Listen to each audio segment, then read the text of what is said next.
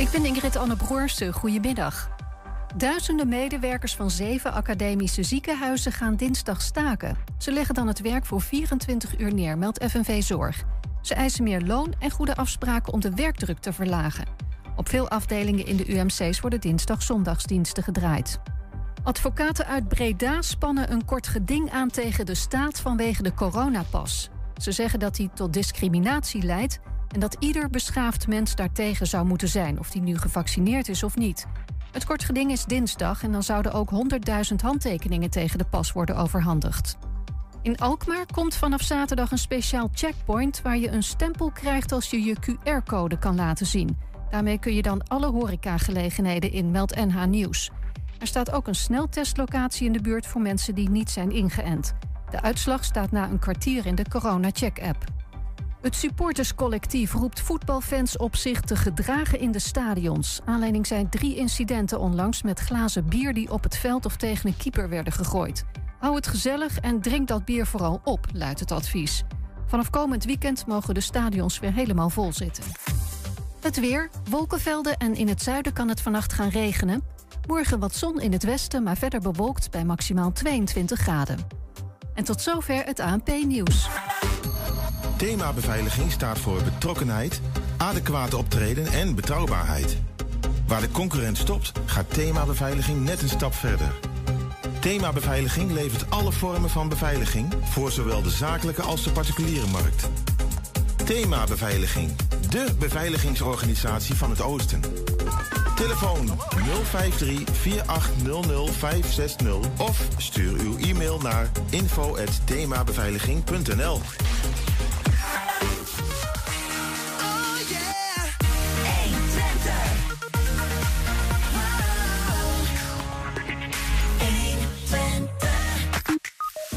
nieuwe vervoermiddel voor ouderen in Enschede, Automaatje, gaat zo hard dat de organisatie vrijwilligers tekort komt. Het Bonheuven College Geesinkweg in Enschede heeft de praktische oplossing om hangjeugd op te vangen. Duitsland gaat naar de stembus zondag. Wat betekent de uitslag voor ons als bewoners van de grensregio? En in een nieuw Twents kwartierken hoor je alles over de Scharensliep. Het is donderdag 23 september. Dit is 120 vandaag. 120. 120 vandaag. 55 jaar lang floot hij als scheidsrechter wedstrijden in heel Oost-Nederland. Maar nu mag hij niet meer. Van de dokter, hartritmestoornissen, waar hij begin dit jaar voor het eerst mee te maken kreeg, doen de 83-jarige Hengeloer Gerard Post eh, de das om. Maar nu blijkt, uh, floot hij begin vorig jaar al zijn laatste wedstrijd. Gerard, goedemiddag. Goedemiddag. Ja, eh, weet je dat eigenlijk nog, die laatste wedstrijd? Want je wist toen misschien nog niet dat het je... Nee, dat, uh, dat was bij ATC, zaterdagsmorgens om 9 uur vroeg ik daar die wedstrijd. Uitslag? Dat weet ik nog niet meer. Uh, maar het was, het was, net voor de corona-uitbraak. Ja.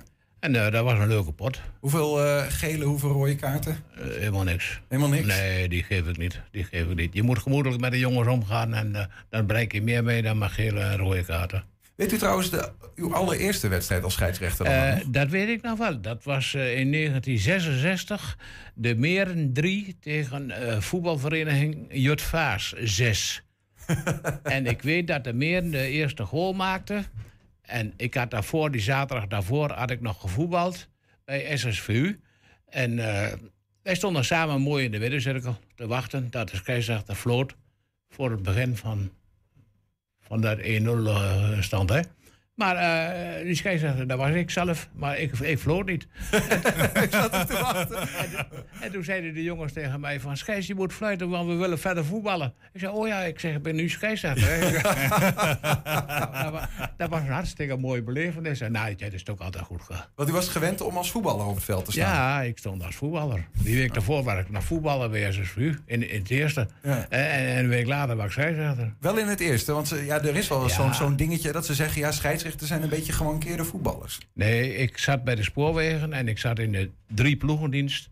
En als we dus vroeger dienst hadden, dan kon ik smiddags in het eerste meedoen.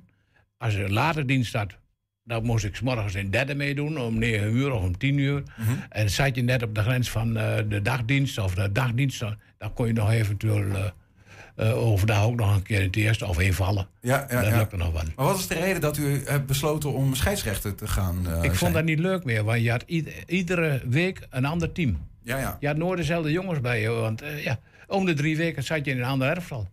Eh, en en daar wen je niet. Maar ja, als u scheidsrechter wordt, dan fluit u iedere week een ander team. Ja, maar dat ligt heel anders. Dan ben je neutraal. Dan ben je neutraal. Ik, ik, ik heb ook nooit, eh, zoals eh, bepaalde verenigingen in Engelo, heb ik nooit in de competitie gefloten. Juliana mocht ik niet fluiten. Eh, want je bent een inwoner van Engelo en dan moet je daar afblijven. En dan Of- was u niet neutraal genoeg, niet nee, dat was, onafhankelijk genoeg. nee, dat was je niet neutraal genoeg. Want ik had zelf twee jongens en die voetbalden bij Juliana. En dat, ja, dat, dat ging niet. Dus een- geen, ge- geen partijdig uh, Nee. Maar daar ben ik nooit geweest hoor. Ik ben nooit partijdig geweest. Ze, ze hebben mooi ook nooit omgekocht. Ik kan je wel één dingetje vertellen. Ik had een keer een belangrijke wedstrijd. En toen, eh toen eh, mijn warming-up had gedaan. Toen kwam ik dus in de kleedkamer. Toen lag er 100 gulden. Ja, en dan moet je even sterk staan. Hè? Want eh, als je die 100 gulden kunt gebruiken. Dat was nog guldens.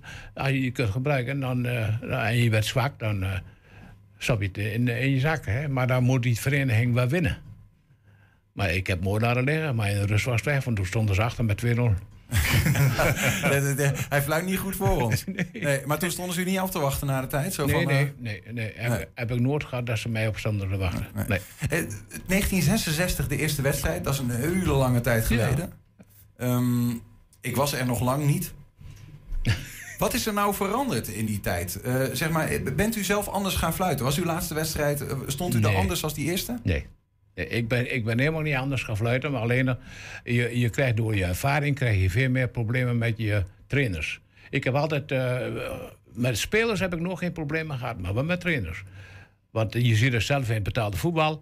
eh, de vierde man die daar staat... wordt continu aangesproken door de trainers. En waarom? Je bereikt er niks mee. Je wordt alleen nog maar op een gegeven moment steeds verder achteruit ge- geduwd als trainer zijnde. hè, door die, die vierde man. Ja. Nou, die zeggen op een gegeven moment... eh, die, die, Ja, wat doet het met u als scheidsrechter? En anders is wordt, wordt gepusht van de zijkant. Is dat juist een, heeft dat een averechts effect voor de club? ja, even, ja, even een averijdsgevecht. Niet, niet bij mij gaat, maar eh er zijn scheidsrechters die er eergevoelig voor zijn. Eh, en dat is gewoon jammer. Mhm. En want u zei ook net van, ik, heb- ik ben niet van de gele en rode kaarten. U heeft dus, eh, hoe, hoeveel heeft u eruit gedeeld in uw eh, leven? Nou, niet zo gek veel. Want we hadden dus in het begin hadden we geen rode kaarten. Hè? En, eh, gele kaarten. Dat was nog officiële waarschuwing.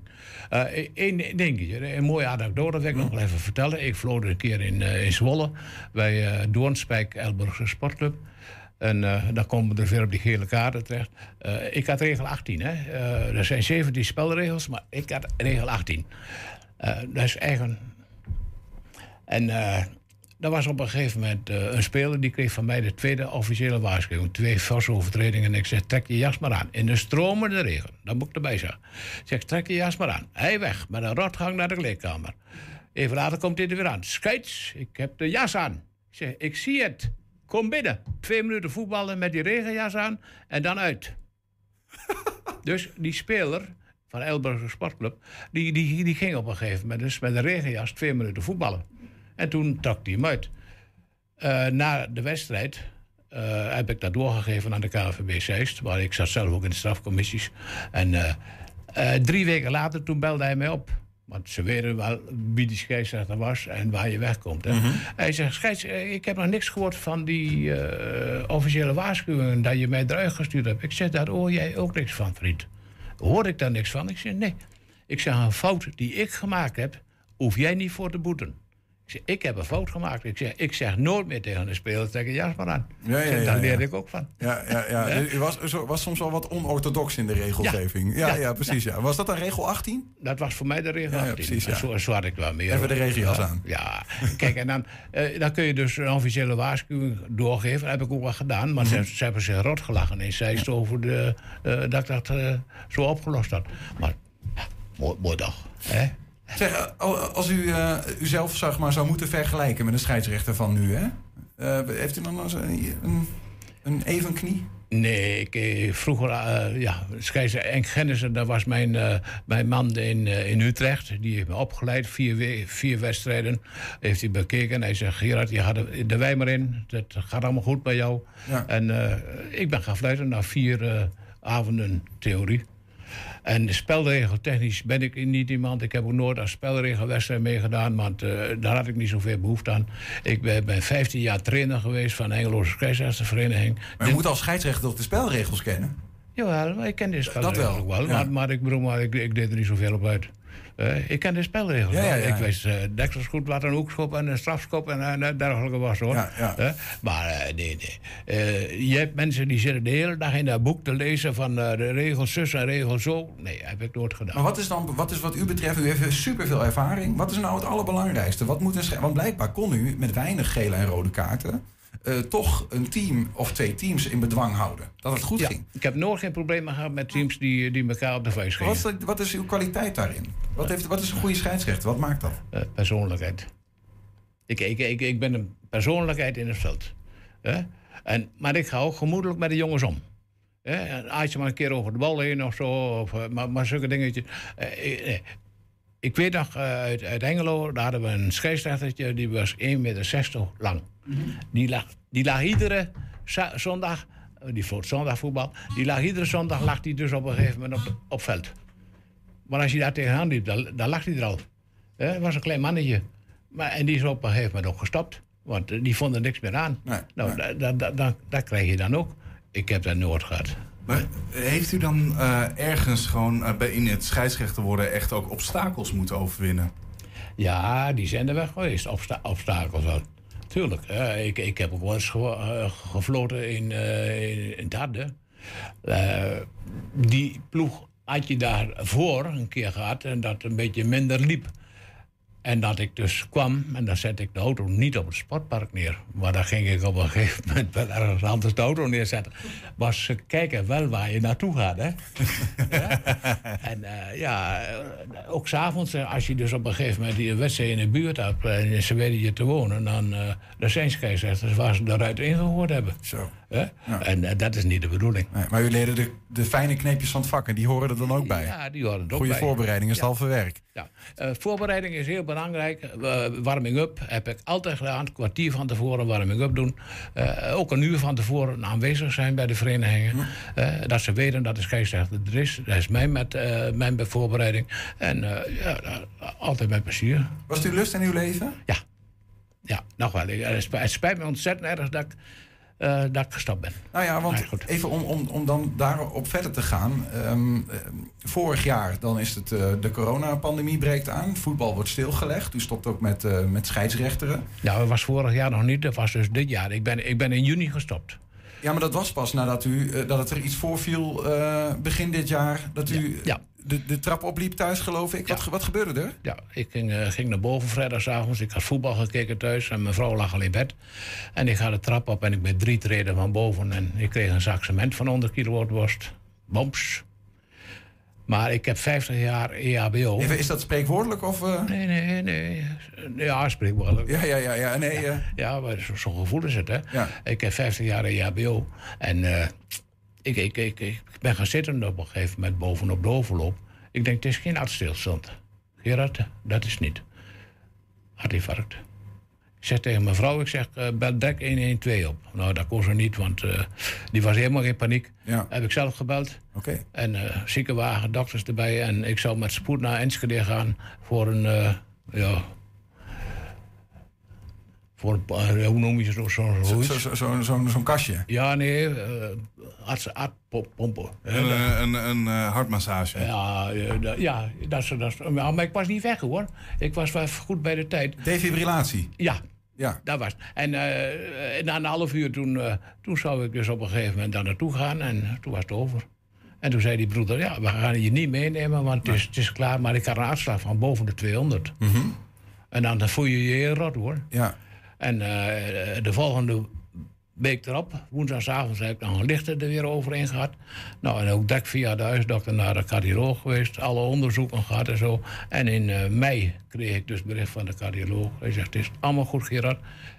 Maar je mag wel fluiten, maar je kunt weer krijgen. Uh, heeft, heeft het ook geholpen, zeg maar, dat je uh, scheidsrechter bent... dus ook wat fitter bent, dat je dit wat makkelijker hebt ja. kunnen doorstaan? Dat denk ik wel. Dat denk ik wel. Maar mijn conditie is nog goed. Ik train drie keer in de week nog. Nu, nu nog.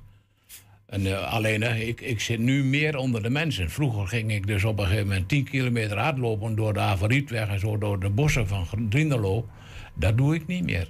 Dat durf ik niet. Nee, want u zegt van, u mag nog wel, eh, het, eh, in principe nog wel fluiten, Ja. maar u kunt het weer krijgen. Wat is dan de afweging, zeg maar, waar bent u bang voor? Dat ik weer krijg en dat ik op een gegeven moment wat gebeurt bij de, bij de jongens in het veld. Dus het is echt uw eigen keuze geweest Ja. om te zeggen, ik... eh, Het is mijn eigen keuze geweest, want ik wil niet op een gegeven moment eh, neervallen als die kinderen van 13, 14 jaar dus eh, voetballen. wat was je lust in je leven? Ja, dat was het ook. Maar na 55 jaar moet je, moet je er een punt achter kunnen zetten. Wat doet u nu dan om de tijd door te Oh, ik komen? heb werk zat. Heb, zat? Oh, ik. U ziet er, mag ik dat zeggen, u ziet er nog super fit uit ook voor een ja, dat weet ik wel. 83-jarige. Ik was, ik was gisteren nog ergens en eh, die zei op een gegeven moment van... je bent nog geen 80. Ik zei, wil jij de jaren erbij hebben die ik eh, meer ben? ben je 81 dan? Ik zei, nee, ik ben 83. Dus die drie jaar mag je van mij hebben dat ik 80 ben. En dat vind ik echt mooi. Ja, ja. Eh, dus ze, ze, ze zeggen ook niet dat ik 83 ben. Ik heb, ik heb een goede conditie. Ik, eh, ik- ik- gistermorgen heb ik eh, een uur getraind bovenop zolder op de loopband. Ik heb een loopband en ik heb een hoomtrainer op zolder. Is, er, is er een kans dat die, dat die hartritmestoornissen, is zoiets, kan zoiets overgaan? Dat u weer op veld Nee. gaat staan? Of Nee. gaat u, Nee. dat, dat gaat niet Nee, meer gebeuren? Nee, dat gaat niet meer. Nee, Nee. nee. Vijf, 55 jaar ook op het veld gestaan. Heeft u, heeft u ook prijzen daarmee binnengesleept? Heeft u oorkondes gekregen van, van ik, de heb, KNVB? Ik heb dus op een gegeven moment eh, van Beatrix heb ik eh eh, koninklijke onderscheiding gekregen in 2004, dacht ik. Ik heb een gouden KNVB gespeeld. Ik heb een gouden COVS gespeeld. En naar die doos van mij nakijkt, wat er allemaal nog verder in zit. Voor 10 jaar en 15 jaar en 20 jaar. En, ik weet het allemaal niet. Was het dan die 55 jaar ook echt waard? Ja.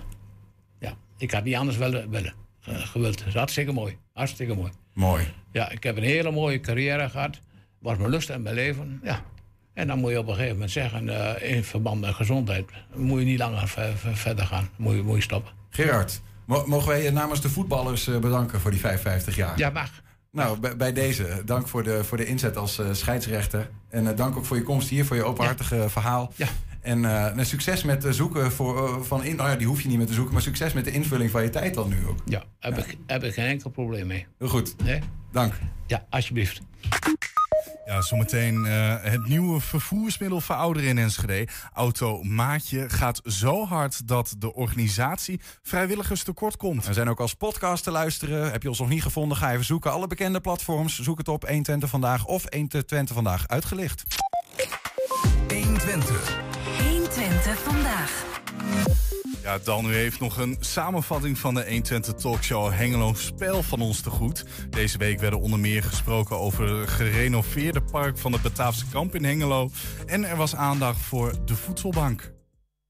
De voedselbank Midden-Twente zit in eh, zwaar weer. De organisatie moet eind dit jaar het pand aan de Sloetsweg verlaten. Maar er is nog geen vervangende ruimte. En ook moet er flink worden geïnvesteerd in een nieuwe koelcel. Aan tafel is secretaris van de Voedselbank Midden-Twente, Ab van Wermeskerken. En ook ehm, Ingrid Waaienberg, oud-cliënt, ook bij de Voedselbank. Welkom beiden. Ab, ehm, ja, ik heb begrepen, de gemeente Hengelo is al om hulp gevraagd. Om maar met de deur in huis te vallen, is er al een helpende hand vanuit de gemeente? Nee, we hebben een subsidieaanvraag bij de gemeente ingediend. Eh, die is eh, vergezeld van een brief, een aanbeveling van eh, burgemeester en wethouders. Eh, het is nu aan de gemeenteraad om daar eh, uitsluitsel over te geven... of inderdaad die subsidie die gevraagd is eh, ook wordt toegekend. Wa- waarom hebben jullie dat geld nodig? Wij hebben een lopend budget waar we de afgelopen jaren op gedraaid hebben. En dat bestaat voor, het, voor meer dan de helft al uit sponsorgelden. En wij zien het eigenlijk niet haalbaar om ook voor een zo groot bedrag opnieuw sponsors te gaan zoeken eh, om dit gat eh, in te vullen. Een van de monden die eh, gevoed is door, eh, do- door eh, de voedselbank... ehm, is die van Ingrid Waaienberg. Ook welkom. Dankjewel. Ehm, je kwam ooit bij de voedselbank terecht... eh, omdat de toeslagenaffaire plaatsvond. Ja, klopt. Hoe, hoe ging dat in jouw geval? Eh, je krijgt de kinderbijslag, toeslag... en in één keer is dat... Kinderopvangtoeslag, zorgtoeslag, een huurtoeslag. En van de een op de andere maand was dat helemaal weg. Geen brief, geen antwoord, geen helemaal niks. Gewoon weg. Dus je ontvangt het gewoon niet. Je krijgt gewoon geen geld meer. Nee. En wat denk Nee. je dan? Er is wel iets misgegaan, denk ik. eerste instantie denk je van... goh, er is wat fout gegaan met het overmaken naar mijn rekening. En hebben ze mijn rekeningnummer nog wel goed of wat dan ook. Ga je erachteraan bellen, dan word je een beetje van de kast naar de muur gestuurd. En dan op een gegeven moment, uh, na een aantal maanden verder... blijkt in één keer van, joh, maar je krijgt het helemaal niet meer... want je hebt een hele hoge schuld bij ons, want wij verdenken jou van fraude. Dat hoorde je toen wel in een brief? Op een gegeven moment hoor je het wel en dan merk je het ook wel... aan de telefoongesprekken die je hebt met de, met de medewerkers van de Belastingdienst. En dan, dan ga je in je hoofd krabbelen van wat heb ik verkeerd gedaan? Dan ga je inderdaad heel hard nadenken van waar is het misgegaan... en wat heb ik niet gedaan en wat had ik moeten doen of wat heb ik gedaan... en nou ja, al die dingen meer. Hoe lang heeft het geduurd voordat je erachter kwam... ik heb niks verkeerd gedaan, maar Gevoelsmatig wist ik wel meteen van ja, weet je, ik heb niks verkeerd gedaan en het moet gewoon op een fout en het komt wel uit. Mhm. En dat duurt gewoon en dat duurt en dat duurt. Ja, totdat onzicht inderdaad zich ermee bemoeide en toen kwam het gelukkig allemaal wel boven water. En toen, uh, ja, dan ben je eigenlijk alleen maar heel blij. Dan heb je zoiets over je heen van, ja, zie je wel, ik heb wel gelijk. Ik heb gewoon nooit wat fout gedaan. Dan duizenden gingen er eh, naar school, hielden hun pauze bij... en onder de enorme rode beuken aan de voorkant... en vertelden later vol trots dat zij leerlingen waren van de Bataafse kamp. De school uit 1954 sloot de deuren in 2018. Al eerder legden de prachtige beuken het loodje... raakte het parkje in verval ja, en uh, vertroebelde de vijver. Maar zie nu, op het Afsekamp wordt een wooncomplex. Het park is compleet gerenoveerd. En als kerst op de taart krijgt de vijver een waterorgel. Uh, maar we gaan erover praten met elkaar. Uh, Hans Kloosterman zit aan tafel, HK2 projectontwikkeling. Uh, verantwoordelijk voor het hele gebeuren daar. En Benno Goosen van Stichting Waterorgel. Waarom, als je zo'n project hebt, waarom begin je dan bij, bij, bij de tuin, bij het park? Dat klinkt heel gek. Nou ja, dat, dat heeft een aantal verschillende redenen. Um, uh, op zich is het inderdaad heel onlogisch. Vorige week uh, hadden wij de overdracht van het eerste deel van het park aan, uh, aan, de, aan de gemeente. Um, en toen heb ik dat ook even gememoreerd. Normaal gesproken doe je dat niet. Hè? Normaal gesproken begin je eigenlijk met het gebouw en maak je daarna het gebied rondom het gebouw netjes. Um, nou, wilden wij zelf als ontwikkelaar heel graag dat park naar voren trekken. Um, maar de gemeente wilde dat ook heel graag. De gemeente wilde ook heel graag dat wij zouden gaan beginnen met, uh, met het park. Dat had ook een, een reden van subsidie die de gemeente daar ook nog weer op kreeg. Maar uh, wij wilden dat als ontwikkelaar graag, omdat we aan de toekomstige kopers wilden laten zien hoe mooi het wordt op het moment dat zij daar straks gaan wonen. Maar die, dat waterorgel is een van de dingen waarmee u ook zeg maar, die bewoners wil uh, paaien om te zeggen van kom nou hier. Ja, ik weet niet, ja. Ik weet niet of, of, het per se de bewoners zijn voor, waarvoor, waarvoor het waterorgel. Hè, dat, dat waterorgel ehm, dat is natuurlijk prachtig voor Hengelo. Als straks dat waterorgel regelmatig um, gaat spelen ja, dan zullen mensen ook heel, op hele regelmatige basis naar dat park komen om, om naar het waterorgel Vergeef mij, hè, Benno, maar ik weet niet eens wat een waterorgel is. Nou, een waterorgel, dat, is een, uh, dat zijn pompen en lampen. Die draaien zeg maar, op muziek.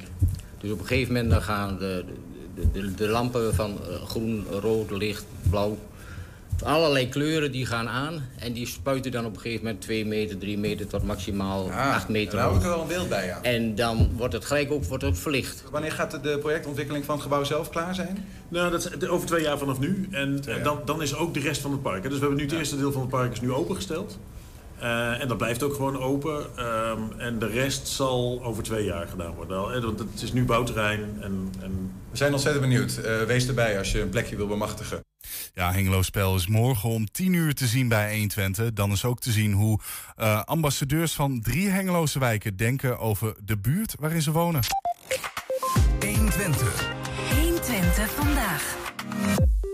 Sinds 2018 is in Enschede het automaatje, of het automaatje gekomen... om voornamelijk oudere mensen een betaalbare mogelijkheid te geven om zichzelf te vervoeren.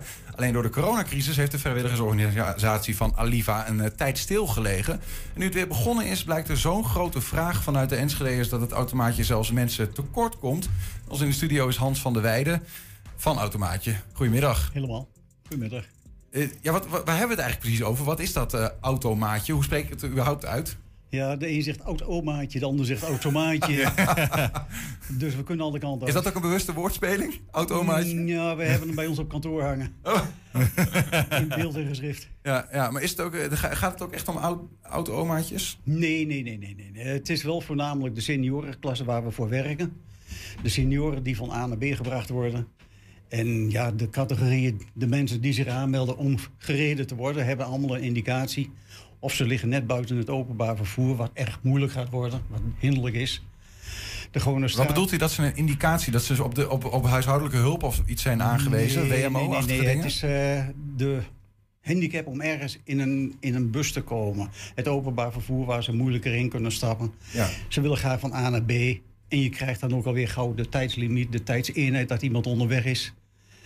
De, om, voordat ze bij de bushalte zijn of waar dan ook. Die die vangen wij Ze zijn eigenlijk een beetje verstoken van normaal openbaar vervoer of van de regiotaxi bijvoorbeeld. De regiotaxi kan ik niet zeggen. Die mensen komen ook aan de deur. Dus dat werkt wel, maar het openbaar vervoer komt niet aan de deur. Nee. Dus dat is een eh, handicap om daar weer bij te komen voor veel mensen. En heel veel mensen halen wij op deze manier is gebleken uit een zeker isolement. Ze komen weer van A naar B. Ze komen weer in de winkel. Ze komen weer onder de mensen. Ja. Maar het- want ik noem even zo'n regiotaxi. Dat, dat is inderdaad ook iets wat, wat aan de deur komt. Dat is voor deze mensen dan niet toereikend. Waar, waar is de vraag vandaan gekomen dan? Eh, de vraag is eigenlijk uit het hele verhaal gekomen wat ik net eigenlijk zei. Mensen willen graag weer het sociale contact krijgen. Een, ze willen niet hoeven te wachten al te lang. Dat is gewoon hinderlijk voor deze mensen, voor deze groep van mensen, voor de ouderen. Ze, morgen, ze worden ergens ingebracht. Er is een sociaal contact. Wij geven met het automaatje een stukje plus. De mensen worden meer, meegenomen naar binnen toe. Gaan ze naar een ziekenhuis toe. De chauffeur gaat met ze mee. Het sociale contact is er. En dat is iets wat aan twee kanten snijdt het mes. En dat gaat geweldig. en het- ze kunnen automaatje overal voor bellen. Ook als ze zeggen van eh, ik ben eh 80, maar ik ga toch even naar de kermis. Oh ja hoor, we rijden alles. We doen eh, medisch, paramedisch, sociaal, alles. En eh, heeft dat ook een grens? Is het eh, zeg maar alles binnen Enschede? Of zeg je ook van, eh, oh, als ik naar de Weerseloze Markt in Weerselo wil bijvoorbeeld, rijden we ook naartoe? We rijden door het hele land heen. Groningen, Drenthe, eh, Amsterdam, Den Helder, Zierikzee. We rijden over de grens, wat een regiotaxi dus officieel niet mag. Doen wij dus wel. We rijden heel veel mensen naar Aarhus, Augenkliniek onder andere. Want er zijn heel veel eh, bestemmingen. We hebben geen grenzen wat dat er gaat. Wat is dan een voorwaarde om, om automaatje te kunnen bellen? Want kan ik ook bellen? Zeggen, nou ja, ja, hoor, zeker. We staan je vriendelijk te woord, maar je bent, valt niet onder de leeftijd. Oké, ja, dat is helaas. Eh, Nee, misschien kom ik ook nog te makkelijk bij een bus. Of wat dan ook. Ja, nou, dat zal zonder meer zijn. Maar we richten ons voornamelijk nu nog eventjes op de senioren. Wat heet senioren? Eh 65 plus, 60, 65 plus. Dat is een enorm grote groep. Mhm. Daar hebben we voorlopig nog even de handen echt vol aan. En er komt nog heel veel bij. De, zodra alles weer Ja. genormaliseerd is binnen de corona. Ja, want je, je zegt zeg maar, eh, daar heb je de handen vol aan. Eh, eh, hebben jullie in die coronaperiode ook gemerkt dat, dat gewoon bijna niemand meeging? Aangezien veel ouderen thuis zaten? Heel veel ouderen zaten thuis. Maar in de coronatijd hebben we alles medisch, paramedisch en sociaal noodzakelijk gereden. Dus in een verzorgingstehuis zit de partner en de echtgenote zit thuis. En ze willen elkaar toch nog zien. En waar het mogelijk was vanaf het verzorgingstehuis, hebben wij wel gereden. Met de nodige voorzieningen in de auto's. Hoeveel kost dat eigenlijk? Om bij jullie dan... eh, is dat... eh, want we, we hebben het ook over ja, nou ja, dat het een betaalbare... want het is allemaal particulier vervoer. Ze hebben allemaal een, ja, een particuliere chauffeur. Het is een eigen vervoer. Het is een privé-taxi. De chauffeurs noemen zich ook heel erg graag de goede buur. Die de mensen van A naar B brengt. Dus dat zal wel een prijskaartje aanhangen dan? Ja, pas op. Dat is niet misselijk hoor. Dat is echt 30 cent per gereden kilometer. Dus dat is niks. Echt. Ja, dan eh, moet, eh, moet je snel ook voor jongeren gaan noemen. Dan kun- dan kunnen we een mooi feest ergens. eh. Ja, dat dacht ik al. Nee, Daarom- grapje. nee, je, hebt- je hebt gelijk hoor, serieus. Maar het is gewoon een landelijk georganiseerd verhaal... wat de ANWB ook heeft gesteld. De vrijwilliger die krijgt geen andere vergoeding dan alleen de kilometervergoeding. 30 cent per gereden kilometer.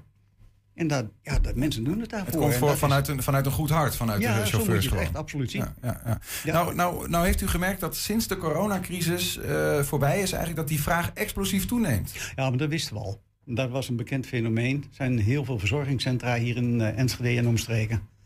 En alleen Enschede heeft er, dacht ik al, zes of zeven grotere centra. En die kloppen zo meteen allemaal bij ons aan. En dat is omdat wij dus net dat stukje extra kunnen geven... wat een taxi helaas niet kan. Mhm. Maar gaat u niet dan ook de boterham eh, van de taxichauffeur over? Nee, we hebben hele goede connecties met de chauffeurs, met alle taxibedrijven. En ook in de coronatijd hebben we heel veel werk, ook aanvragen die we kregen. Ook doorgeschoven naar de, ja, de regionale taxis hier. Ja, ja. Want hoeveel, met hoeveel personen rij- rijden jullie nu eigenlijk? Om dat een beetje in beeld te krijgen. We hebben momenteel zo'n 70, 75 chauffeurs op de weg staan. En In, in, in regio... Enschede? Hier alleen in Enschede. In Enschede, Ja. oké. We hebben alleen Enschede en de directe ja, omliggende dorpen. Mhm. En zoals een Haaksbergen heeft ook een eigen automaatje. Er zijn er heel veel. Echt heel erg veel. En dus 75 is dan niet genoeg. Want dat er blijkt zou momenteel meer bij moeten komen. te zijn. Daar gaan we daartoe stevenen. Dat, dat, werkt, dat werkt gewoon. Dat kunnen we nu al zien. Als wij de vraag krijgen wat ja, eigenlijk toch wel op handen is... dan moeten we er meer chauffeurs bij hebben. En hoeveel is meer? Minimaal het dubbele. Als ik dan even nog wat meer. Het dubbele. Ja. En als u nou chauffeurs warm zou moeten maken, hè, want eh, eh, de, de mensen die dat nu doen vanuit een warm hart, Ja. die zullen ongetwijfeld daar dus ook zelf iets van terug ontvangen. Wat is, wat is een mooi reclamepraatje om zelf vrijwilliger te worden? Als vrijwilliger, je hebt vooral in het eh, fenomeen automaatje... dat mes snijdt aan twee kanten, dat benoemde ik zo even ook al. Er zijn ook heel veel chauffeurs, de senioren, die ja, of thuis zitten... ze komen in een enorm gat te zitten, ze komen uit een werkende situatie... en ze zoeken wat. Het zijn alleenstaande mensen het zijn ook mensen die gehuwd zijn... maar ze zoeken wat. En dan is het zo leuk als je zo de contacten krijgt. En we zien dat, links en rechts. Dat is geweldig, die contacten, hoe ze met elkaar omgaan. Ze, de klant, de cliënt, die vraagt naar die chauffeur, want dat is zo gezellig geweest. En ik moet naar Amsterdam. Mag ik die chauffeur hebben? Want dat is de vorige keer ook zo goed gegaan. Dagje uit. Nou, zo zie je het maar. Ja, ja. Met je eigen auto? Doen de, nee, niet met mijn auto. Maar, Nou, eh, Ja, dan word je wel heel druk met je auto. nee, daarom, ik zit op de fiets en dat wordt echt een ellende, joh, serieus. Maar als je de chauffeurs hebt, die rijden met plezier lange afstanden. Er zijn ook chauffeurs die niets liever doen dan alleen de lange afstand. Maar ook heel veel chauffeurs die zeggen van, ja, laat mij lekker binnen Enschede blijven. Mhm. Ja. Waar kunnen mensen zich melden als ze mee willen doen? Eh, Automaatje willen worden? En eh, de vrijwilliger bedoel je? Ja. Ook het automaatje bellen. Aliva, algemeen toegangsnummer. En dan vraag even naar het automaatje. En dan regelen we dat. Nou, bij deze, Hans van der Weijden, dank voor de komst en voor de uitleg. Ja, heel graag gedaan. En succes met het automaatje. Gaat lukken. Automaatje. Ja, want heb je nog tips voor de redactie? Laat het ons dan ook even weten via info.120.nl. 120. 120 vandaag. Duitsland gaat aankomende zondag naar de stembus voor de landelijke verkiezingen. Zeker is dat het ongekend spannend wordt. Angela Merkel die stopt, maar wie wordt na 16 jaar haar opvolger als bondskanselier? Wordt haar christendemocratische CDU-CSU gewoon weer de grootste? Of wordt de partij, zoals de peilingen nu voorspellen, nipt ingehaald door de sociaal-democratische SDP? En wat betekent dat dan voor ons als bewoners van de grensregio? Ik praat erover met een man die werd geboren in Gronau, opgroeide in Alstette, studeerde in Nijmegen en Münster en tegenwoordig werkt als Duits-Nederlandse lobbyist in Den Haag. Thomas Boom. Thomas, goedemiddag. Goedemiddag, hallo. Jij bent eh, lobbyist, hè? Je vertegenwoordigt belangen van eh, Duitse organisaties in Nederland en van Nederlandse organisaties in Duitsland, toch? Dat is, dat is helemaal waar. Ja, dat doe ik voor, voor bedrijven, maar ook eh, provincies en gemeenten. En ook in de regio. Dus bijvoorbeeld eh, om de trein tussen, tussen Enschede en Münster te verbeteren en uiteindelijk zelfs kunnen doortrekken naar, eh, naar Zwolle. Dus misschien ook wel een thema dat bij, bij u eh, al een keer langs is gekomen. Absoluut, als het gaat om de regio zeker en de Duits-Nederlandse samenwerking. Maar kijk je dan ook op een andere manier eigenlijk naar de verkiezingen in Duitsland dan de gemiddelde Duitser bijvoorbeeld? Zeker een beetje professioneel. Want, want het, vanuit mijn, mijn eh, baan, maar vanuit mijn vak, heb ik ook op een professionele manier met politici te maken. Dus eh, het is meer dan gemiddeld, dat is absoluut zeker. Ja. En als je, als je ons eens zou meenemen, hè, ik denk dat Nederlanders eh, sowieso hè, hun eigen verkiezingen soms al nou ja, half volgen met een half oog, maar de verkiezingen in Duitsland misschien nog minder. Als je ons zou moeten meenemen naar de belangrijkste thema's die spelen in eh, ons buurland, wat, wat zou je dan zeggen? Nou, ik kan iets over thema's zeggen, maar wat, wat misschien wel belangrijker is. Het, gaat ook grotendeels echt om de personen en om, om, om, de, om de schandaaltjes rondom de personen. Oh ja? Eh, dat is zeker, dat is zeker ehm, eh, heel erg opinievormend, om dat maar zo te zeggen ook. Ehm, maar als we naar de thema's kijken, we hebben in Duitsland nu drie eh, televisiedebatten gehad. Eh, en we hebben vanavond de laatste grote, het laatste grote tv-debat, de, die slotdebatten. Ehm, en als we daar kijken, dan, dan, dan hebben we heel verschillende thema's. De energietransitie is denk ik een heel groot thema. Um, dat ook heel erg naar voren wordt gebracht uh, door, de, door de Groene Partij. Um, maar ook door de andere partijen. Um, we zien de SPD, die het heel erg over sociale thema's heeft. Daar moet u denken aan uh, bijvoorbeeld uh, mogelijke invoering van een vermogensbelasting. Maar ook een verhoging van het minimumloon. en ja dan heb je bijvoorbeeld ook een CDU die heel erg de aandacht legt op uh, um, hoe komt Duitsland economisch sterk uit de crisis. Uh, uit de coronacrisis. Ja. En hoe zorgen we dat uh, ja, economisch groei snel terugkomt. En wat is daarvoor nodig? Wat dat betreft lijkt het wel een beetje op Nederland daarin, denk ik. Hè? Dus klimaat, coronacrisis zijn ook hier grote thema's. Ja, de, ik denk dat is absoluut vergelijkbaar. Um, en, uh, ja, en, en, en, volgens mij, um, als je nu naar de algemene politieke beschouwingen kijkt, zelfs het minimumloon is ook in de Tweede Kamer nu een thema. Dus dat lijkt wel op Hey, en je vertelt net van uh, in Duitsland gaat het ook, ook wel echt om, om de poppetjes, om de schandalen. Lijkt een beetje Amerikaans bijna als je dat zo, uh, zo zegt. Um, ja. wat zijn eigenlijk de poppetjes waar we nu uh, eigenlijk naar moeten kijken in Duitsland? Nou, we praten eigenlijk over drie die echt kanselierskandidaten ook worden uh, genoemd. De andere zijn lijsttrekkers, spitsenkandidaten. Dat is aan de ene kant Amin Laschet uh, van de CDU. Die zou uh, Angela Merkel moeten opvolgen. ook echt vanuit haar partij. Dat is Olaf Scholz voor de Sociaaldemocraten, voor de SPD. En dat is Annalena Baerbock van de Groenen. Mm-hmm. Uh, die ook behoorlijk goed staan in de peilingen. Um, en, en, en ja, outsiderkans hebben. Ik denk niet dat ze de grootste worden, maar toch wel ook een kanselierskandidaat voor de eerste keer in hun geschiedenis Ja, ja, ja, ja, maar als ik dan zo even uh, van een afstandje, dan zou je dus zeggen: eh, Angela Merkel, CDU, is altijd, nou ja, voor de afgelopen 16 jaar in ieder geval de grootste geweest. Um, ligt het voor de hand dat ze nu weer gaan winnen? Want we horen nu ook dat er wel een nijpende strijd is ontstaan met C SPD van Olaf Scholz. Het, het zal uh, ongekend spannend worden. Um, dus ik denk uh, de meest spannende verkiezingen in de afgelopen 25 jaar. Want het is echt niet goed te voorspellen Hoe kan dat wie de grootste wordt. Hoe kan het dat, dat CDU dan nu wat, wat ondergeschoven kindje? Ligt dat aan, aan die Laschet? Mm, hij heeft fouten gemaakt en die worden hem aangerekend. Hè? Uh, u moet zich voorstellen, nog in februari um, stond de CDU in de peilingen bij bijna 40 procent. En ze staan nu bij 22, 23 procent, afhankelijk van de peiling. En wat echt een kenter, kentering uh, heeft gebracht eigenlijk voor Laschet was een situatie na de overstromingen in, uh, in het Rijnland. en daar is hij op bezoek geweest om ook te laten zien dat hij daadkrachtig bereid is om ja, de mensen hulp te bieden. En daar was een scène waar de bondspresident een uh, toespraak hield en hij op de achtergrond te zien was uh, dat hij ging lachen naar een opmerking van iemand anders. Mm -hmm. En dat werd uh, extreem in de media ook als ongepast gezien neergezet en ook blijkbaar door heel veel kiezers zo gevoeld. En na dit, deze gebeurtenis zag je echt een kentering. Daarna ging het extreem omlaag, uh, deels onder de 20 procent. Um, en uh, ja, nu zijn ze weer net een beetje aan het opkrabbelen, waardoor ik denk dat het echt een hele, hele, hele krappe nek-aan-nek race. Ja. Gaat dat, hoeveel gaat dat uitmaken uiteindelijk uh, voor, voor, voor Duitsland? En misschien ook wel even specifieker naar onszelf. Hè? Wij wonen in Twente, ja. naar de, voor de grensregio.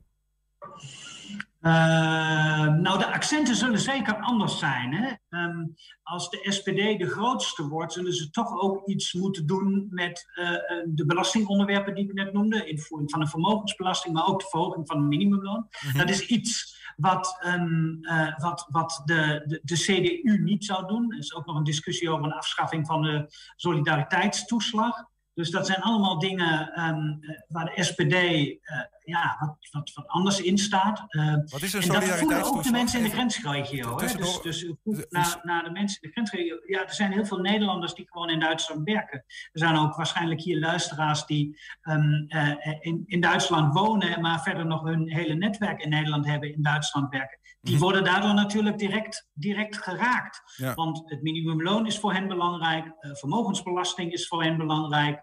Ehm, de afschaffing van eh, de solidariteitstoeslag eh, zouden heel veel mensen, denk ik, heel graag zien, omdat dat eh, tot meer koopkracht leidt.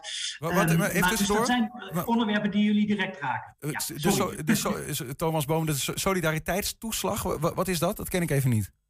Nou, ehm, sinds de jaren negentig is er in Duitsland een extra belasting ingevoerd op de vermogens, eh, op de vennootschapsbelasting en op de inkomensbelasting, om eigenlijk de um, Oost, dus na de Duitse hereniging, eh, te financieren. Was het nodig om nieuwe snelwegen aan te leggen, hele nieuwe infrastructuur. En dat moet, moest ergens betaald worden. En daar is 25 jaar geleden dus die specifieke belasting voor ingevoerd. En nu vindt men dat men echt één land is en dat de tijd is, de tijd is gekomen ehm, om eh, deze belasting af te schaffen. En dan wordt nog heel erg gesteggeld over het tempo. Of dat ze misschien ook voor bepaalde groepen toch eh, behouden moet blijven. Mhm. Nou kan ik me voorstellen, als de, eh, waar het over hebt, de SPD aan de macht komt in Duitsland en bijvoorbeeld het minimuminkomen gaat omhoog, dat ook, eh, want we hebben Enschede'ers bijvoorbeeld hier, of Twentenaren, die, eh, ja, die gaan werken in Duitsland, dat dat ook aantrekkelijker wordt om in Duitsland te gaan werken.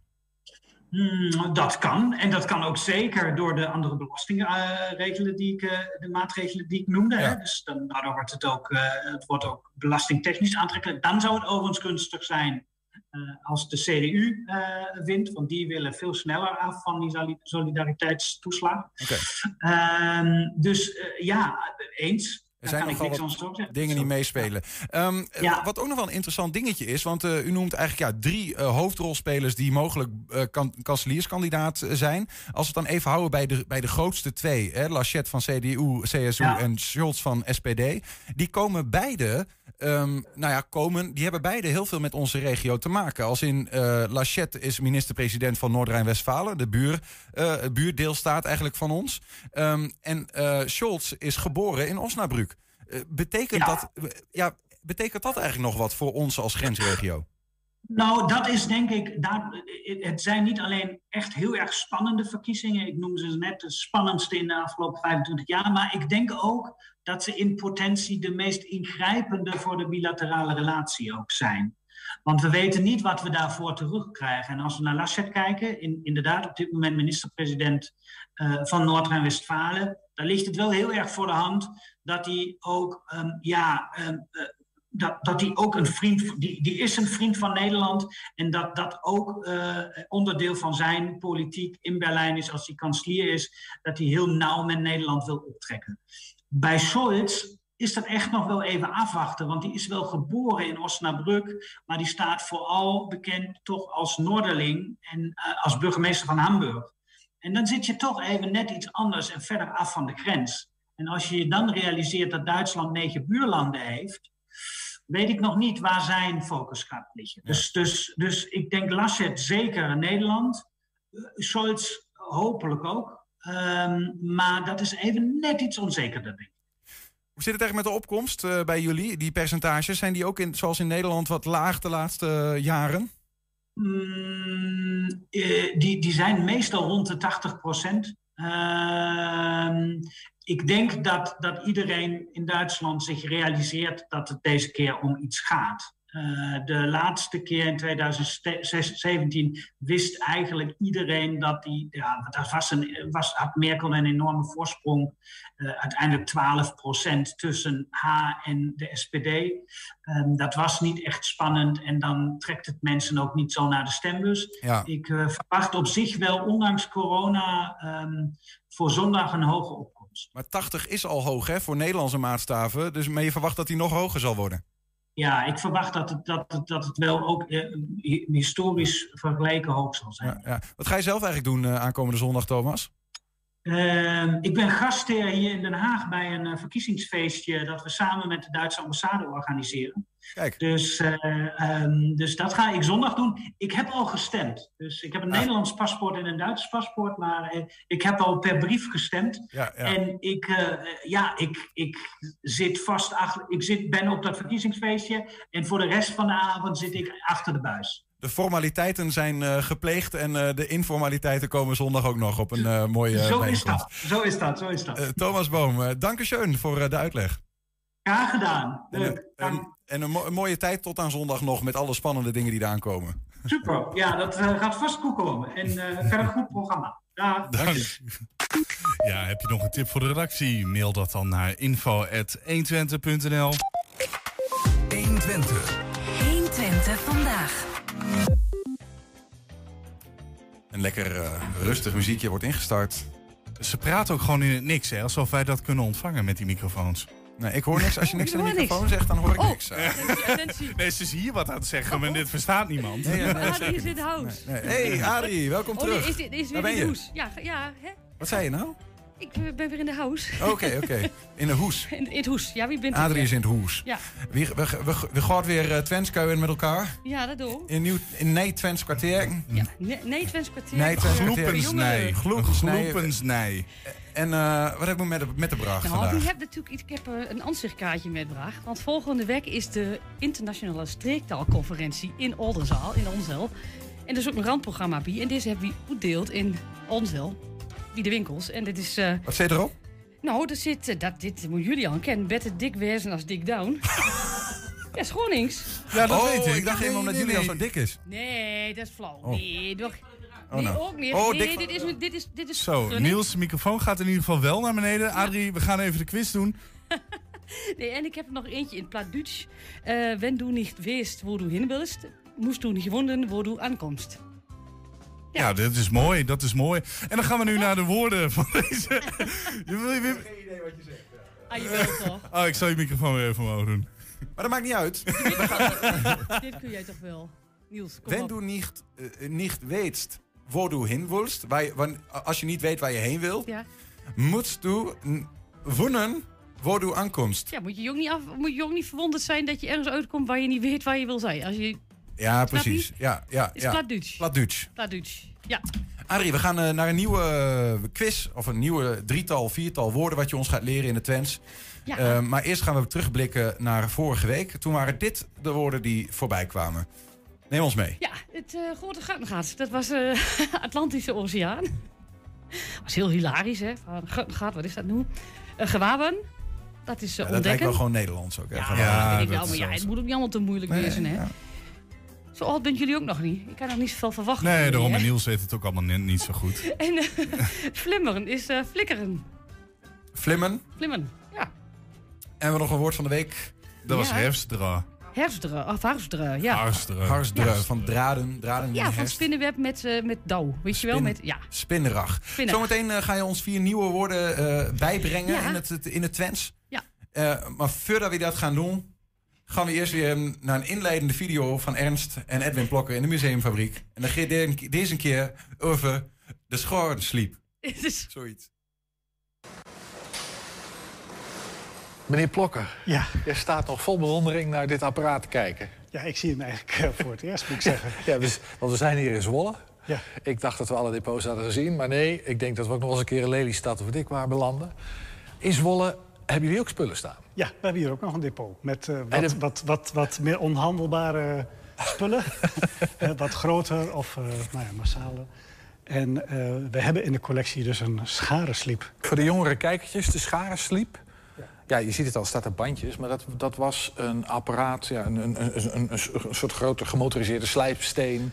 waar je echt vroeger scharen, messen, bijlen, waar kan, eh, spullen kon... En die ging de straten door, toch? Ja, ja was, was, vroeger was dat een, een, een ja, ambulante handel, noemden ze dat. Ja, ja. Eh, mensen die, die eigenlijk rondreisden. Hè, door, over het platteland reisden ze gewoon rond. En dan kwamen ze...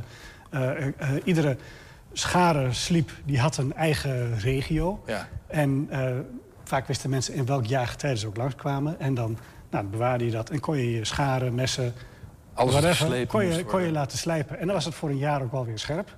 En dan wist je, over een jaar kwam die weer. En die gingen ze de straten mee door. In Enschede. Ja, dus en dan riepen ze Enschedese- scharensliep, scharensliep. En dan kwamen de huisvrouwen met uh, Ja, die bottenmessen en zo. Die kwamen, die kwamen de straat op en dan ging hij ze slijpen. Ja, ja. En dat was de enige in Enschede. Dus, dus eigenlijk, iedereen zich, die zich dat toe kan herinneren... heeft vermoedelijk aan deze kar zijn scharen en zijn messen Ja, eh, lopen sliepen. Tot, tot eh, ongeveer 1980. 1980? Ja. Nee, echt waar? Zo lang nog? Ja, ja. En wat was, wat was nou de reden dat die, dat die, scharensliep, die scharende sliepers... er op een gegeven moment eh, mee ophielden? Want wij werden nog steeds scherpe messen en scherpe scharen. Nou ja, eigenlijk na de Tweede Wereldoorlog ehm, kreeg je gewoon andere materialen. Voor die tijd had je eigenlijk geen roestvrij staal. Had je gewoon ijzer? Had je gewoon, gewoon ijzer. En, en, dat, en dat, dat is zacht. Dan krijg je vlijmscherpe messen krijg je daarvan. Ja. Eh, maar de oude, wel de bekende molenaarsmessen die ja, nog steeds uit eh, gebruiken. Solingen. Ja. Ja, ja die, die eh, zijn vlijmscherp, maar, maar, maar zacht. Hè. Dus vroeger als je die ging slijpen, dan had je ook geen bekende Zo'n bolling. ja, bolling in. En na de Tweede Wereldoorlog werd eigenlijk, kreeg je roestvrij stalen eh, messen, scharen. Hoef je minder te slijpen. Ze zijn ook eigenlijk minder scherp. Ehm, ehm, maar ze werd ook een stuk goedkoper. Het werd veel meer een wegwerpproduct. Als eentje niet meer voldeed, gooi je hem weg, kocht een nieuwe. kocht je een nieuwe. De inkomens werden hoger. Nou ja, dus eigenlijk was de noodzaak van een, een, een, scha- van het scharen slijpen, het messen slijpen... Ja, dat, die, langs, langzaam ging dat weg na de Tweede Wereldoorlog. werd steeds minder. En je ziet ook dat, dat al die uh, in, in Nederland... Ja, 1980, hij moet echt wel een van de laatste geweest zijn. Vroeger kon je dus met de hand uh, aandrijven. Hè? Dus je kon... Uh, er zat hier een, slinger aan. Een zwinger, slinger ja. aan. Maar dan had je twee mensen nodig. Je leest, je leest ook wel dat ze met de voet aangedreven oh, ja. werden. Dus dan, ja. dan trapt hij ergens. En dan ging dit... dit, dit uh, uh, hier gaat het om, hè. Dit is dus de, de slijpsteen. Dat ging dan draaien. Mooi, man. Het verhaal van de scharensliep.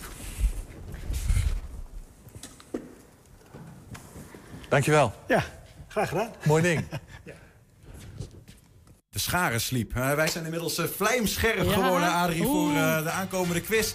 Je hebt weer drie woorden voor ons. En we hebben nog een woord van de week als toetje. Ja. Telkens geef jij een Twents woord met drie Nederlandse betekenissen. Eén daarvan is goed en wij moeten raden welke. Ja. Ik ben benieuwd uit weer uh, Dirty. Slee. Ja, slee, slee weet ik. Dat ja, is dat uh, ja, is maar zo makkelijk is het niet. Oh, is oh. dat A, is dat uh, versleten of sleets, laat ik maar zeggen? Nee. Nou, is het B, is het bot? Of is het C, een arreslee? Nou, wat zult nu weer niet te makkelijk weer natuurlijk, jongens. Ja, maar ja, ik denk, nee, denk... gaat dan sowieso al... Uh, ja. Dat gaat er niet worden. Nee, dat, dat, wordt hem sowieso... Maar als ik een beetje uh, in, het, in het onderwerp blijf... dan denk ik dat A het uh, correcte antwoord maar, maar is. even, versleten en bot is dan toch een beetje hetzelfde bij een, bij een mes?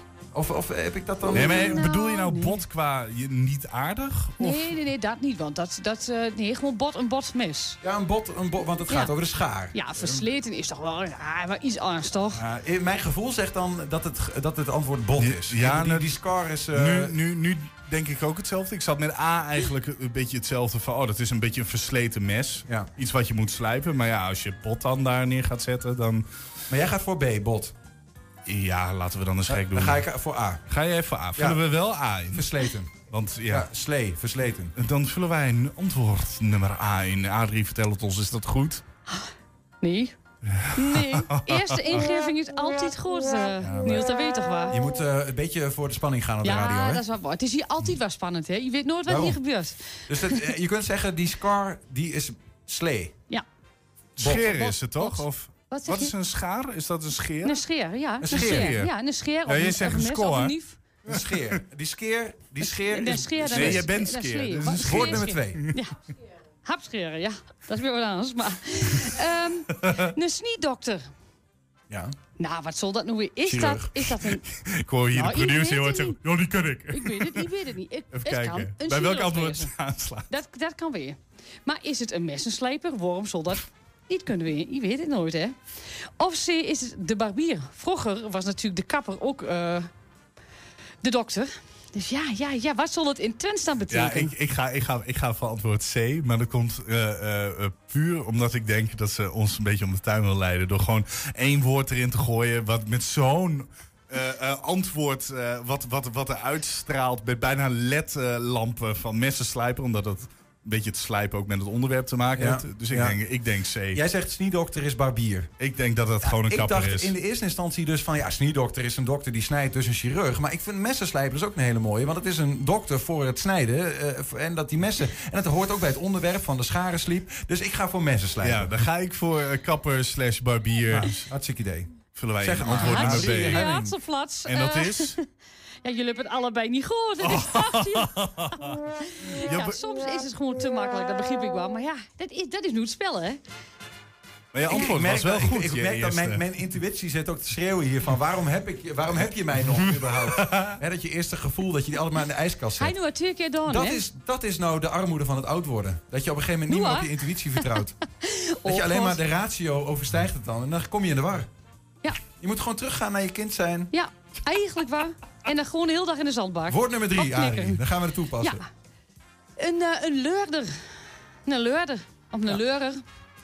Ja. Ja, de D valt soms weg. Leurer, eigenlijk. Zo zeg je het eigenlijk. Is dat A, een lemet van een mes? Mhm. Als jullie weten wat een lemet is. Ja. is dat het ding waar je het aan vasthoudt? Nee, dat is het heft. Nee, dat, is het heft. Dat is het ding waar, de- waar, waar je mee snijdt? Ja. Mhm.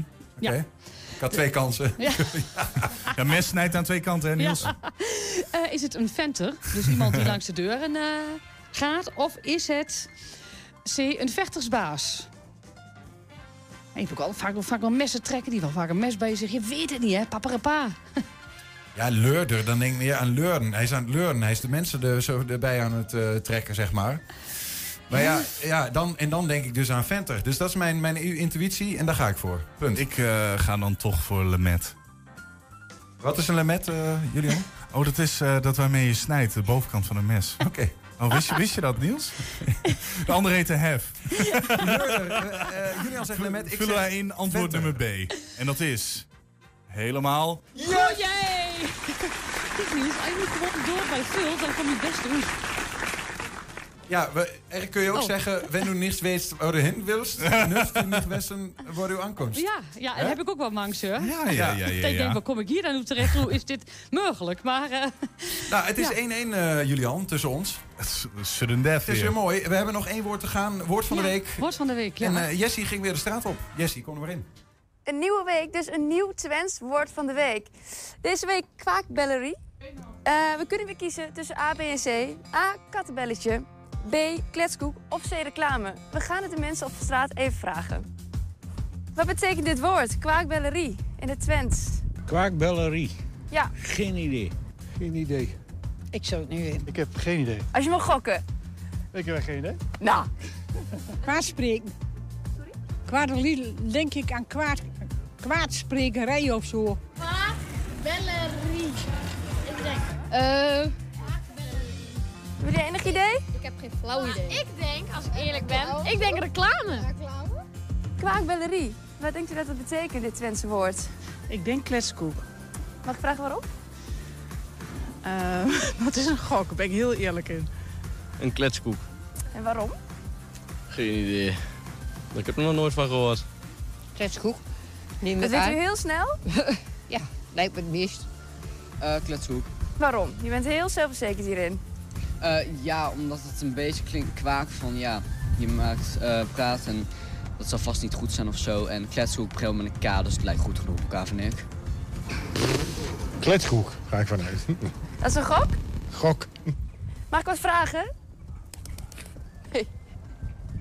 Ja, ik ben Fries, dus mij moet je niks vragen. Oh, maar misschien werkt het dan juist beter. Oké. Wel. Ja, ik denk reclame. Reclame. Waarom? Eh kwaken doen een beetje denken aan ehm, ja, verkondigen, zeg maar. En bellerie als een soort van mededeling. kletskoek. Kletskoek. Waarom zegt u kletskoek? en door het woord kwaak. Kletskoek. Kletskoek, waarom? Eh, kwaak. Praten. Praten. Ja, bellerie. Eh, telefoon eh, bellen. Ja, dus eh, aan de telefoon kletskoek. Nou, de, van de reclame op televisie baal ik al eh, 20 jaar van. Nou, kletskoek hoor ik niet van. Dan doe maar een kattenbelletje. Ja, ik denk kletskoek, ja. Ja, maar ik weet het niet. Nou, het is echt mijn taalgevoel, ik weet het niet. Oh, ik denk een kletskoek. En waarom? Kwaken, kwaken, kletsen. Kwaakbellerie. Wat denken jullie wat het is? Nou, Niels. Ja, ja Julian, eh, we, we moeten toch hierin bekennen dat... We moeten dat- kleur bekennen. Ja, wij weten het. En eh, daar komt... eh, kijk, want we hebben natuurlijk drie, drie opties. Maar we, we hebben de optie gisteren namelijk zelf meegemaakt. En Jessie gaat het antwoord zelf geven, let op. Ik heb in ieder geval het antwoord hier. Een kletskoek. Maar... Lekker. Ja, ik heb, ik heb ook eentje gegeten. Ja? Maar ja, goed, het is ook een kletskop, hè? Is het nou kletskop Ja, of kletskoek? Volgens mij is het een Het is, kletskoek. het is gewoon, het is niet een kletskoek, maar het is gewoon kletskoek. Ja. Je, gewoon onzin. Je zit onzin te ja. vertellen. Ja, Kwaakbellerie. Ja, ben je aan het kwaken, ja. Zag je dat eigenlijk? Dat doen jullie hier eigenlijk een hele dag. Ja, ik wil... nee hoor. Oh, Fake nieuws. wow, Kwaakbellerie. Zou wel een mooie zijn. Nieuwe. Gewoon, ja, dit is kwaakbellerie. Kwaakbellerie. Nou ja, eh, eh, mooi. Ik, ik, ik, ik vond de reclame ook wel wat kletskoekerig soms. Maar eh, het is dus echt gewoon onzin kwaakbellerie. Klopt. Ja, Dankjewel, Adrie. dat was hem weer, hè? Voor een, nie- voor een nieuwe les. Ja, Ja. en tot volgende week dan. Dan, Dan hier op deze weer- plek Henk Ketting en Niels. Oké, opperste paraatheid volgende week. Opperste paraatheid. ja, Wordt moeilijk. volledige stress. Nee. Oh no. en veel plezier met eh, alles wat je moet gaan doen eh, de komende week. Poeh, nou, Ja. ja. Ja, en tot zover ons uurtje Kwaakbellerie eh, 120 vandaag genaamd. Terugkijken, dat kan direct via 120.nl. En vanavond om 18 uur en veel later nog op televisie te zien. Zometeen hier heb je deel 2 van de kettingreactie. Daar wensen wij u veel plezier mee en tot morgen. De directie van dit radiostation is niet verantwoordelijk voor de inhoud van dit programma. Wij adviseren dan ook een luisterwijzer van 12 jaar. Het luisteren naar dit programma kan lachen, glimlachen, dansen en swingen tot gevolg hebben. U bent dus gewaarschuwd. Welkom bij de kettingreactie.